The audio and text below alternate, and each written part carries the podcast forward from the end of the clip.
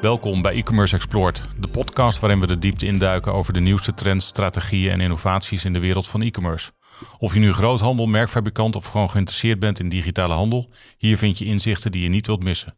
Ik ben Okko Huisman en laten we beginnen met de aflevering van vandaag. Welkom luisteraars. We gaan het hebben over tackelen van kanaalconflicten bij direct-to-consumer strategieën. Ik zit hier vandaag aan tafel met aan mijn rechterzijde Jerry van Leeuwen en links Marlou Mulders. Jerry, kun jij jezelf even kort voorstellen? Ja, natuurlijk. Nou, ik ben Jerry, uh, eigenaar van uh, SciCommerce. En uh, SciCommerce is een full-service bureau. wij bouwen websites, webshops, we doen online marketing. En indien gewenst doen wij ook customer service. daarnaast onderhouden we zelf een heel aantal webshops. daar doen wij ook alles voor, inkoop, verkoop. Um, en we zijn net met een nieuw concept begonnen, veluseworst.nl. Dus uh, we gaan in de, de droge worst. Um, de eerste verkopen zijn, uh, hebben plaatsgevonden, dus dat was wel reden voor een borrel met een worstje. Um, daarnaast ben ik docent aan de Vrije Universiteit op het gebied van informatiesystemen en e-commerce aan de faculteit bedrijfskunde. In het verleden was ik docent logistiek aan de Rijksuniversiteit Groningen. En uh, als extra hobby ben ik nog uh, voorzitter bij de B2B Shopping Awards van de thuiswinkelorganisatie. Kijk eens, dus we hebben te maken met een, een ware expert. Jerry, fijn dat je er bent. Marlou, commercieel directeur bij Prins Pet Food. Kun je iets meer vertellen over jezelf en prachtige familiebedrijf? ja, inderdaad. commercieel directeur bij Prins. Uh, is een merk van honden- en kattenvoedingen. Uh, we produceren ook zelf, dus uh, we maken hier uh, al onze voedingen in Nederland en verkopen voornamelijk onze producten via dierenspeciaalzaken en tuincentra en via het online kanaal. Um, daarnaast hebben we nog een ander bedrijf, ander merk, dat heet EduPet. dat zijn een opleider voor dierprofessionals. Um, dus als je bijvoorbeeld gedragsinstructeur wil worden of konijnentrimmer of nou, iets in de dierenbranche, dat, dat doen wij ook. En dat staat, nou, is wel gelinkt aan Prins, maar het is wel een, een apart bedrijf. Duidelijk, hoe lang werk je bij het familiebedrijf? Nou, ik heb deze maand mijn jubileum, want het is uh, dit, uh, deze maand uh, 12,5 jaar precies. en het bedrijf bestaat 60 jaar? Ja, ook deze maand, dus dubbel feest. Mooie mijlpalen. Zeker, zeker. Nederlands trots. vandaag gaan we het hebben over kanaalconflicten, direct-to-consumer strategieën. Nou, voor mij heb je daar ook echt mee te maken, Malou. Kun je eens vertellen hoe jullie kanalen eruit zien, wie jullie klanten zijn en nou, hoe je daar de kanalen op inricht? Uh, ja, bij ons gaat ongeveer uh, naar 70% van de omzet nog steeds via het fysieke kanaal. Dus inderdaad, wat ik net aangaf, hè, dierspeciaalzaken en, uh, en tuincentra voornamelijk. 20% gaat echt via online, dus nou, via diverse webpartners. En 10% via fokkers, hondenscholen, pensions, asielen waar we mee werken. En een stukje ook eigen D2C-kanaal. En welke, dus je hebt, jullie hebben geen eigen winkels, neem ik aan? Nee, klopt. dus jij verkoopt aan, wie zijn jouw klanten? Um, qua retailers bedoel je? Nou ja, qua, lever je aan de groothandel, lever je direct aan de retail, lever je misschien al direct aan de eindgebruikers? Uh, nou, dat, dat varieert. Uh, een heel groot gedeelte gaat echt via de groothandel uh, naar de dierspeciaalzaken en de tuincentra toe. nou, veel retailers hebben natuurlijk ook een eigen DC, dus dan gaat het daar direct heen. via onze eigen webshop hebben we ook een kanaal rechtstreeks naar de consument toe, dus dat doen we ook. Oké. Okay. Um, en we leveren zelf ook fokkers en pensions, dat doen we ook vanuit ons. Oké. Okay. En hoe lang geleden heb je dat directe kanaal geopend? Uh, begin dit jaar. Begin dit jaar, ja. dus is uh, vrij, ja, vrij nieuw. recent. Ja. En uh, retailers in opstand, of hoe, hoe, wat gebeurde daar? Uh, nou, het Hoe is heb je dat aangepakt? Iets, uh, iets, wat niet over één nacht ijs is gegaan. En ook niet dat we in één keer live zijn gegaan. Um, we hebben daar wel echt heel erg onze partners ook bij betrokken. Uh, heel erg meegenomen in waarom we ook die keuze maken. om nou ja, enerzijds natuurlijk ook het kanaalconflict te minimaliseren. Tuurlijk, het is utopie om te denken dat 100% van je klanten er, er, blij mee is. Want uiteindelijk willen ze natuurlijk het liefst zelf alle data hebben en alle, alle omzet daarbinnen. Um, maar voornamelijk heel primair ook het gesprek ingestoken dat onze doelstelling ook niet uh, de omzet is voorop uh, gesteld. Maar voornamelijk heel erg om onze klanten beter te leren kennen, uh, data te verzamelen en die data juist ook in te zetten om meer de traffic naar onze partners te stimuleren. En, nou, daar hebben we dus een heel model omheen gebouwd. En dat is eigenlijk nou, hoe we even heel kort door de bocht het hebben opgepakt. Interessant, Ja. daar gaan we straks eh, meer over hebben. Ja. Jerry, eh, jij komt bij veel bedrijven. Je doseert eh, e-commerce aan de, aan de Vrije Universiteit. Eh, voorzitter van de, de B2B expertgroep. Volgens mij eh, moet jij veel voorbeelden van kanaalconflicten bij klanten Mhm. Ja, meemaken. nou ja, als je een jaar geleden kijkt, hè, het, spe- het speelt al heel wat jaren. Dan zie je wel dingen als eh, onduidelijke concepten. En jij geeft al aan van wij hebben iets gecommuniceerd naar onze, onze klanten toe. Eh, daarin zie je bijvoorbeeld, eh, ik heb een voorbeeld waarin in de elektrotechnische markt er een, een outlet opgezet werd voor, voor consumenten. En waar je vervolgens zag dat, dat alle installatiebureaus die hele voorraden begonnen op te kopen. Omdat het punt 1, het was, was een outlet, dus het was met korting. Eh, het was eh, dusdanige korting dat eh, de, de installatiebureaus het daar zelf niet voor konden kopen. Dus daar zag je eigenlijk gewoon in pure vorm zag je gewoon het kanaalconflict ontstaan. Puur door het opkopen van, van al het aanbod. Met het gevolg dat er eigenlijk geen aanbod meer op die outlet was. Dus ja, ik denk dat dat een heel mooi voorbeeld is. Een ander voorbeeld dat ik wel tegenkwam was in de, de verfindustrie. waarin ehm, eh, er een, eh, een nieuw concept gelanceerd werd. eh, eh, een, ja, een persoonlijk concept eigenlijk.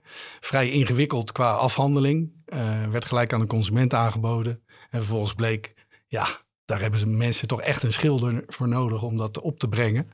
Eh, dus er ontstond eigenlijk heel veel ruis om het product heen.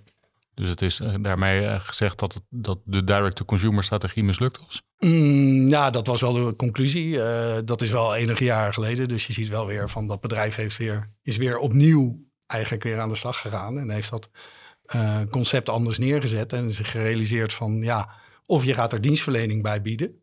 Dat is heel goed mogelijk natuurlijk als je zo'n zo'n kanaal ingaat. Je biedt schilders aan. Je zorgt ervoor dat die schilders zichtbaar zijn. Dat mensen die schilders kunnen vinden.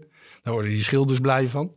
Ehm, dus ja, er zijn allerlei mogelijkheden voor om zo'n kanaalconflict eigenlijk te voorkomen. Nou, nou zit jij wekelijks, eh, leid jij eh, de, de toekomstige e-commerce marketeers op Mhm. eh, in, in Nederland. W- wat geef jij ze mee vanuit de theorie? Vanuit de theorie. Oeh, daar is.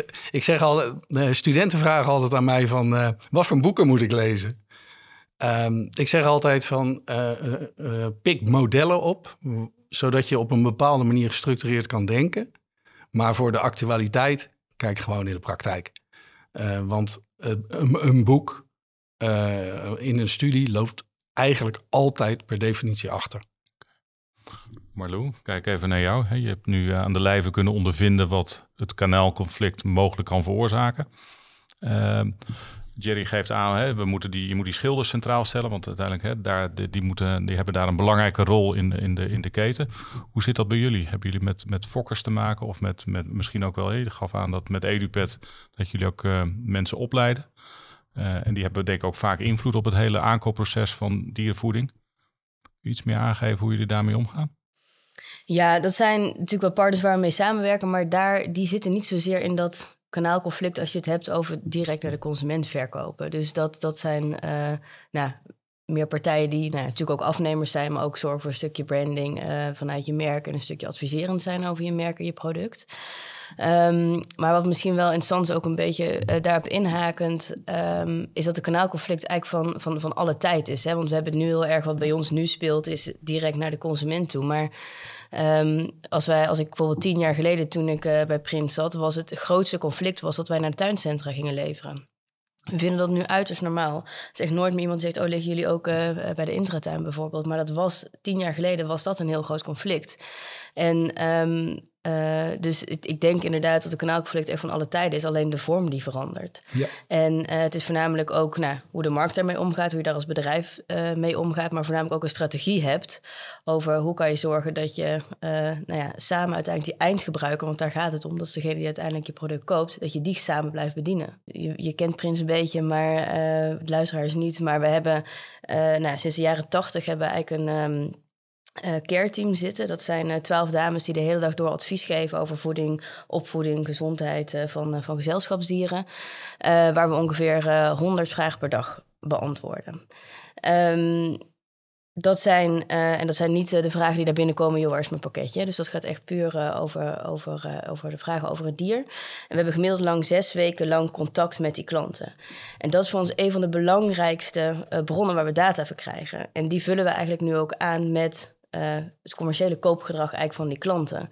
Waardoor we eigenlijk ook de retail veel beter kunnen adviseren over: oké, weet je, welke vragen spelen in de markt, welke producten passen daarbij, wat zien wij, uh, hoe, loyaal, hoe we ze loyaal kunnen houden in de breedte uh, binnen de kanaalkeuzes die ze daarin maken. En dat is op zich wel interessant. Als je die inzichten met elkaar gaat delen. Um, kan het ook weer helpen, bijvoorbeeld op assortimentsoptimalisaties of trainingen of dat soort dingen op de winkelvloer. Jerry, direct-to-consumer inzet om de klant beter te leren kennen? Wat, wat, wat ja, ik denk dat dat een van de smaken is. Dat er heel veel smaken zijn en dat, wat jij al terecht zegt, Marlou, dat, uh, dat er golfbewegingen in zitten. En dus uh, dat dat tien jaar geleden al begon, maar dat er ook allerlei golfbewegingen in zitten. Dat je ziet dat uh, in de elektro, um, in de elektronica, hè, dat je ziet dat er ehm, hele grote ontwikkelingen plaatsvinden. Daar zie je heel nadrukkelijk. Dat is echt een kosten uh, artikel.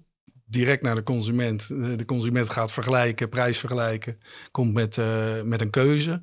Uh, en dan zijn er artikelen waar, waar een stukje service in zit. Er zijn artikelen waar een grotere zorgfactor in zit. Ik denk als je het over diervoeding hebt. Ja, dieren voelen toch een beetje als je kind. Uh, dus daar ga je niet mee lopen experimenteren. Ik denk dat er een hele grote merkentrouw is. En dat je als je eenmaal besloten hebt voor je hond dat voer te geven, dat je dat blijft geven. Um, dus ik denk dat, dat er allerlei smaken in zitten. Dus dat kan kennis zijn, dat kan dienstverlening zijn, aanvullende dienstverlening.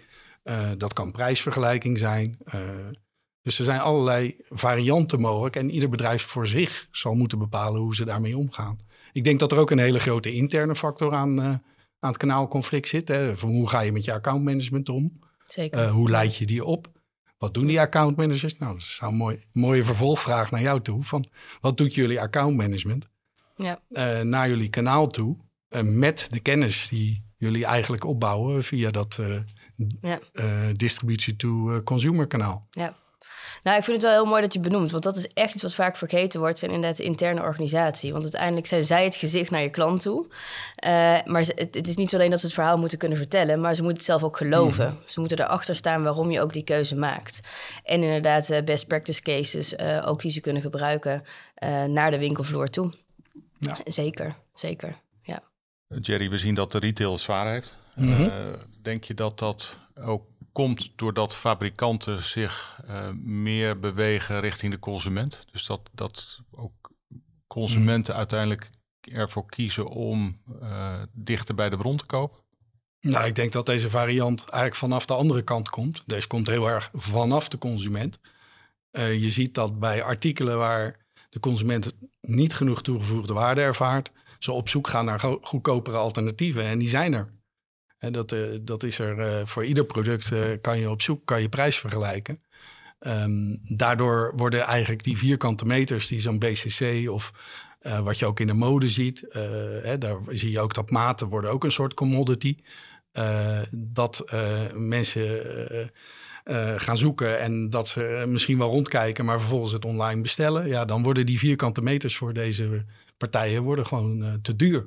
Dus zo'n BCC is een, hele grote winkel.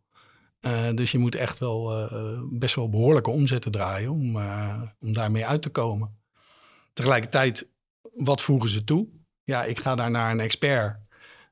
heeft die antwoord op mijn vragen? Dat is de vraag. Het zijn vaak een beetje oneerbiedig, maar het zijn vaak studenten die daar, of scholieren die daar gewoon je staan te helpen, die ook nog vaak een eh, premie krijgen. Dat zie je bij Mediamarkt bijvoorbeeld, uh, voor uh, per verkocht item. Ja, dat draagt allemaal volgens mij niet mee aan, bij aan de ultieme klantervaring. Um, dus ik denk dat daar de, de push heel erg vanuit de consument zit. Terwijl als je kijkt naar fabrikanten die in staat zijn om een stukje waarde toe te voegen, dat daar meer de, de, de push vanuit het, uh, de, de bron zit, vanuit de fabrikant. Maar wel vanuit de hele keten, precies wat je zegt. Want dat is vaak zo. Hè? Want dat ik ergens, hè, als je, dat, dat, dat, dat blijft me fascineren. Um, in heel veel elementen zit een retailer en een merk staan vaak lijnrecht tegenover elkaar als het gaat om die consument. Want het is mijn data, het is mijn klant. Maar als we er nou samen voor zorgen dat we in die hele keten, dat we zorgen dat we die klant en goed kunnen adviseren, dat we zo loyaal houden aan het verkooppunt. Want heel eerlijk, of ze het nou in de winkel kopen bij ons, als die klant maar loyaal blijft, mhm. dat is hetgeen wat ons doel is.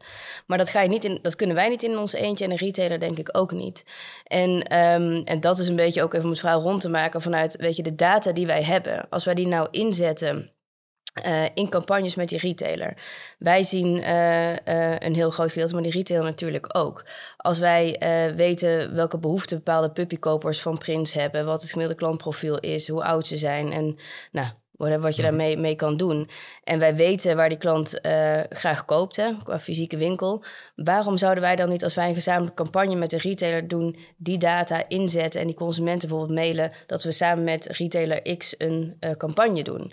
Dat is iets wat, wat ik echt blijf fascineren, dat gebeurt niet.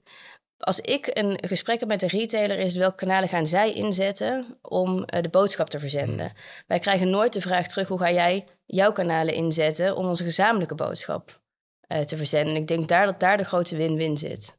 Ik vind dat, dat nou ja, die, om, ik vind... Nou, blijft een interessant krachtenveld. Ja. 25 jaar geleden werd volgens mij de, de stichting ECR, uh, Efficient Consumer Response Nederland, al opgericht. Waarin ze met data delen uh, en tussen retailers en fabrikanten men probeerde om de consument beter te bedienen. En daar speelde die spanning ook al. Ja, dus nee, het is zeker, absoluut een spanning die, die altijd aanwezig is. Ja. Alleen het feit is nu wel dat je uh, waar je vroeger die, uh, zeg maar die, dat tussenkanaal helemaal nodig had om die data te verzamelen. Hè, want je had de kassadata nodig. Nu heb je zelf een ge groot gedeelte van die mm. kassadata. En dat, is wel, eh, dat maakt het wel heel mooi. Hè? Dus je, hebt, je zit veel meer achter je eigen stuur. Want jij hebt, hè, je zegt al, 20% online kanaal. Dus 20% van jouw data is betrouwbare data om iets mee te kunnen. Ja. Ja, 20% van online is ook via partners voor ons hoor. Maar, maar, dan toch? Dan nog, ja, nee, zeker. Zeker waar, ja. Maar toch zijn mensen al heel protectionistisch. Terwijl ik denk, als we nou... Ja, ik ben er echt van overtuigd als we dat in de keten breder gaan oppakken... om die consument te bedienen en niet zo protectionistisch daarin mhm. te zijn... Uh, dat we die klant veel beter loyaal kunnen houden en bedienen. En inderdaad, dat ze ook naar de winkel blijven komen. Want wat is die toegevoegde waarde om naar een winkel te gaan? Ja, dat is vanuit mijn idee echt een stukje advies en service en kennisoverdracht. Waar ik vind dat wij als merkleverancier ook verantwoordelijk voor zijn. Zie jij voorbeelden van uh, bedrijven waarvan je zegt van dat is mijn voorbeeld, daar wil ik naartoe bewegen? Buiten onze branche dan? Ja, denk nee, ik, je mag eruit stappen. Dus um, hmm, nou, echt een concreet voorbeeld. Nou, ik, ik, waar ik zelf van in geloof is dat ook de fysieke winkel meer diensten gaat aanbieden. Uh, om die consument te, te bedienen. En ja, dat blijft toch wel toch even binnen onze branche hoor. Maar mm -hmm. um, zie ik nu wel veel initiatieven ontstaan. Of het nou bijvoorbeeld ook een trimservice is, of een weekservice voor het dier, of een puppy check-up. Of nou, echt een, een, een echte service naast gewoon de verkoop van producten. Mm -hmm. uh, dat is wel iets waar ik echt heilig in geloof. Ja. Dus wat je eigenlijk bij, uh, want dan zie je voor mensen, zie je dat al, gezondheidscentra. Maar je zou je kunnen voorstellen dat je dat voor dieren ja. ook zou opzetten eigenlijk. Hè? De, de fysio, er zit de fysio zit bij de voetenspecialist. Bij de, ja. ja, dus echt het hele ecosysteem ook gewoon offline kunnen, kunnen bouwen. Ja. ja. En dat, uh, dat, dat is iets wat ik zie gebeuren hoor. Uh, zeker bij de grote retailers die daar nu mee starten.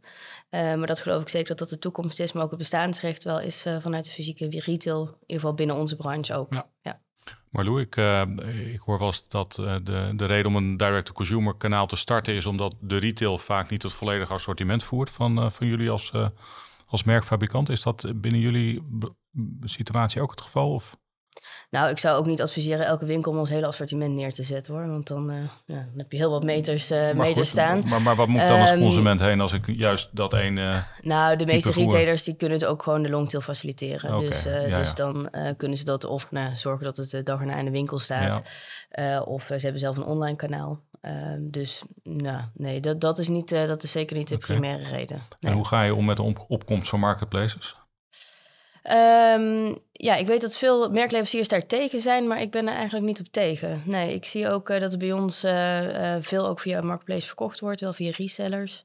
Ehm, maar dat, uh, nou ja, natuurlijk is dit voor ons, nou, pak even de grootste in Nederland, uh, Bol, uh, is voor ons wel belangrijk dat daar de, gewoon de content juist is. dus dat wij ervoor zorgen dat daar de juiste productinformatie staat en dat we het ook blijven actualiseren. Um, maar ik heb daar verder geen, geen moeite mee. Nee. Jij niet, maar misschien jouw traditionele klanten wel. Dat ze zeggen, ja, ehm, Prins, kom op, geef ons nou, enige exclusiviteit.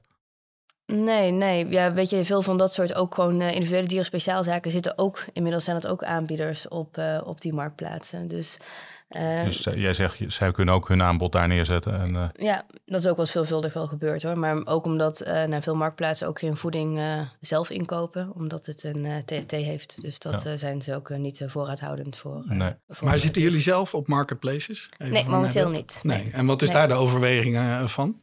Want in principe zijn jullie de, de merkhouder, zijn jullie de eigenaar van alle content. Ja, ik sluit het ook niet uit voor de toekomst hoor. Nee, maar uh, nee, voor, voor op dit moment nog niet de keuze om dat te doen.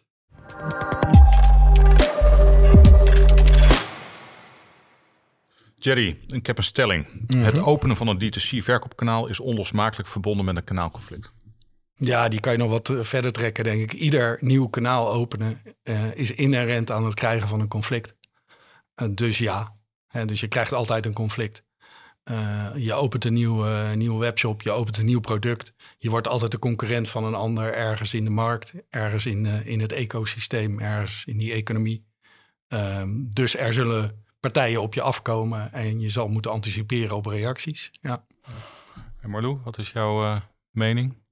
Ja, ik denk dat het utopie is om te denken dat er, als je inderdaad een nieuw kanaal opent, dat er geen weerstand is. Dat is denk ik met alle veranderingen die je doorvoert, vanuit een bepaalde grootte wel. Maar, uh... En jij zegt, ga in gesprek met je afnemers en zorg dat ze begrijpen waarom je het doet? Nou goed, dat is onze strategie. En er zijn, uh, uh, er zijn natuurlijk heel veel strategieën om een kanaalconflict te lijf te gaan. En je kan ook kiezen voor een ander aanbod. dat je echt een web-only assortiment hebt. Of je kan met een commissiemodel gaan werken. nou, wij kiezen voor het model om juist het gesprek aan te gaan. En vanuit de, nou, vanuit de datastrategie het zeg maar op te pakken. Um, maar er zijn meerdere wegen, denk ik, die naar, ja, die neem een Dyson natuurlijk, hè? Ja. Een, uh, een Dyson gaat met zijn uh, stofzuigers echt helemaal direct, ja. Ja. Uh, dat is een keuze. Ja. maar staat heel sterk als merk, denk ik. En ja, richt daar ook alles op in. Ja. Um, ja. Meerdere, maar, meerdere mogelijkheden daarin natuurlijk. Maar, maar dat is een fundamentele keuze. Ja. je zal zelf in moeten schatten hoe sterk is je, je merk. Hoe sterk is je product? Hoe sterk is je positie? Ja. Um, heb je alle middelen in huis om ook uh, daadwerkelijk die strategie in te vullen? En Dyson heeft uh, denk ik toch de gedachte dat ze een dusdanig uniek product hebben uh, dat ze dat aankunnen. Blijkbaar hebben ze ook hele diepe zakken ten aanzien van advertisement, want dat is natuurlijk, ja, je komt ze overal tegen. dus je moet wel een bepaalde slagkracht hebben. Maar is het niet zo dat ze nu ook via de, de, de vakhandel uh, te koop zijn? Ja, ze zijn wel via de vakhandel te koop. Maar je ziet dat ze zich in principe niks aantrekken van dat kanaalconflict. Want ze gaan hem gewoon, je kan hem gewoon direct bestellen. Ja. Uh, daar is geen enkele belemmering in. Dus, uh... Nou, het is ook bijvoorbeeld welke prijszetting hanteer je. Ja. Dus uh, weet je, uh, wij kiezen er wel bewust voor om alles op advies verkoopprijs te zetten. Nou, je kan ook gaan zeggen, ja, ik ga een strategie kiezen waarbij je juist, nou, er zijn ook merken van gaat concurreren op prijsniveau. Ja, dat kan, dat is niet onze keuze. Maar ja, zo zijn er, nou, dan werk je denk ik helemaal het conflict in Ja. de hand. Maar goed, dat is voor ieder bedrijf natuurlijk wat, wat hun strategie of welke keuze dat is.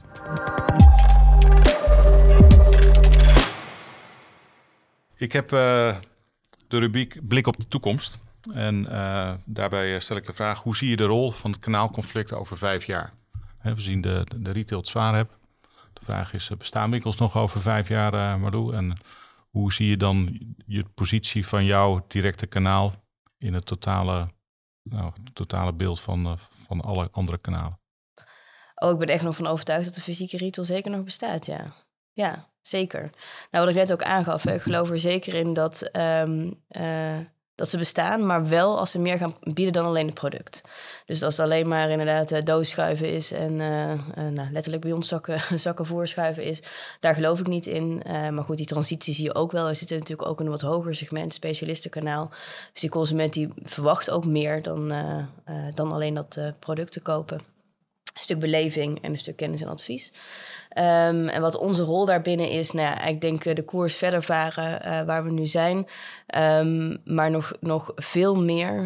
ik ben heel, ook wel benieuwd over wat de rol van AI gaat zijn in, in vijf jaar. Dus nou, misschien kun je hier over vijf jaar zitten en kijken wat daarvan uitgekomen. Het onderwerp van de andere podcast. En oké, nou dan kunnen we daar een mooie link naar opnemen nu. Maar, um, nee, maar ik denk als wij ook dat als organisatie zelf ook op een bepaalde manier inzetten, dat ook weer te goede kan komen ehm, op de winkelvloer. Um, maar bijvoorbeeld ook veel meer lokaal kunnen adviseren welke uh, assortimenten passen bij uh, die lokale vestiging. Uh, want dat is vaak wat nu gebeurt. Hè. Je maakt een bepaald schappenplan wat over heel Nederland, of je nou in Groningen zit of Maastricht, hetzelfde wordt uitgerold. Um, en op basis van de data die wij verzamelen, uh, niet alleen via de verkoop hoor, maar ook gewoon op website, zoekgedrag, alles wat daarbij komt kijken, advisering, een goed uh, advies te kunnen geven. En je noemde even zeg maar, het, het, het, de tegenstrijdigheid tussen de retailer en, de, en jullie als, als, als fabrikant. Denk je dat dat over vijf jaar uh, naadloos samenwerkt? Dus dat jij alle data van je retailers ontvangt? Nou, ik hoop het van harte, ja. En ja. als dat zo is, sluit je dan je direct-to-consumer kanaal? Nou, ik denk juist, het is niet, uh, het is niet of-of. Ik denk dat het juist elkaar versterkt. Um, en uh, nou, dat, is, dat, dat zal de toekomst inderdaad uitwijzen. Maar ik geloof juist, uh, nou, wat ik net ook zei, dat, dat het elkaar kan versterken. En dat het helemaal niet zo is dat we het klantje pik van elkaar gaan doen. Maar juist zorgen de data die we verzamelen. We vragen bijvoorbeeld ook uit bij de verkopen waar mensen graag een product kopen. Of een servicepunt. natuurlijk ook vanuit de service die ze aanbieden. en we verwijzen ook actief weer die mensen ook weer naar de fysieke winkel toe. Uh, nou, als je op een gegeven moment ziet dat daar juist die win-win ontstaat, nou, dat, dan uh, komt het ook die samenwerking natuurlijk te goede. Ja. Dus, um, maar voornamelijk ook een inzet in uh, marketingcampagnes. Dat is zeker waar het voordeel ook moet zitten. En Jerry, bestaan kanaalconflicten nog over vijf jaar? Ja, het zou lekker zijn als ik die glazen bol had. Dan wist ik alweer voor nu waar ik over vijf jaar weer in zou investeren. Um, nou, die kan kanaalconflicten die bestaan nog zeker dan. Um, er zijn allerlei beperkende voorwaarden, denk ik, als je naar de toekomst kijkt. Um, een van de beperkende voorwaarden is bijvoorbeeld bemensing. als je het hebt over uh, producten waar je een dienst aan gaat koppelen, dan heb je een probleem met dat je daar mensen aan moet koppelen. Nou, als we naar uh, zaken kijken als schilders, timmermannen, uh, al dat soort producten. installatietechnici, mensen die zonnepanelen op mijn dak leggen. Uh, dat zijn allemaal beperkende voorwaarden. Dus dat is een heel krachtig spel. Uh, waarbij ik denk van ja, ik geloof niet dat we daar al kunnen uitsluiten dat we dat over vijf jaar uh, voorbij zijn. En dat denk ik niet. Net zoals dat ik vijf jaar geleden dacht ik eigenlijk dat we verder zouden zijn. En, en dat zijn we toch nog niet. dus de, heel veel van die zaken die spelen gewoon nog steeds. Um, dus dat is minder snel gegaan dan verwacht. Tegelijkertijd haak ik wel bij Malou aan van... als je kijkt hoe snel nu bijvoorbeeld AI gaat... Uh, dan gaan daar wel dingen heel snel gebeuren. Uh, want bepaalde data wordt zo vloeibaar, wordt zo van het ene punt naar het andere punt bewegend. Uh, er gaan hele beroepstakken gaan toch uitvallen. die mensen moeten toch ook weer andere dingen gaan doen. dus daar gaat ook nog een hoop gebeuren. Dus het is heel lastig om dan te zeggen van ja, hoe gaat dat krachtenspel zich ontwikkelen? Um, uiteindelijk denk ik wel dat je gewoon een aantal segmenten gaat krijgen waarbij je kan zeggen: dit is zo logisch dat dit direct naar de consument gaat. Ik neem mezelf altijd als voorbeeld. Het enige wat ik nog fysiek doe is uh, gewoon mijn gewone boodschappen. Verder koop ik alles online. Ik, ik zeg niet dat ik daarmee model ben voor uh, de gemiddelde consument. Aan de andere kant, als je kijkt naar uh, de huidige 25-jarige of 30-jarige, daarvan kijkt er geen één meer televisie. Um, dat gaat allemaal impact hebben op deze ontwikkeling. Dus ik heb de glazen bol niet, maar ik ook niet. Nee, denk het. nou, ik denk dat we hier nog uh, lang op door kunnen praten, maar we moeten helaas toch naar een, uh, naar een, uh, een einde toe. ik hoor jullie zeggen, hè, we moeten de klant beter leren kennen. dus, dus zet met name ook je, je directe kanalen in om, om dat doel te bereiken. data verzamelen. Het liefst ook samenwerken met die retailer en de retailer ook uitleggen wat het, waarom je dit doet en, en dat zij er uiteindelijk ook beter van kunnen worden. Dus dat we als, als een gezamenlijk front naar die consument uh, moeten kijken. En dat het uiteindelijk draait dat we de, de consument bieden uh, de kanalen waar die wil zijn en waar die wil kopen. En, dat bepaalt uiteindelijk de, de, consument die ook verandert, wat, wat Jerry aangeeft. Bedankt Jerry voor jouw mooie inzichten. Marlou voor de inzichten uit de praktijk en nou, dat je dat met ons wilde delen. In de volgende aflevering kijken we vooruit naar 2024. Welke cruciale e-commerce trends kunnen we verwachten? Mocht je vragen hebben naar aanleiding van deze aflevering, geef ze aan ons door via de link in de show notes.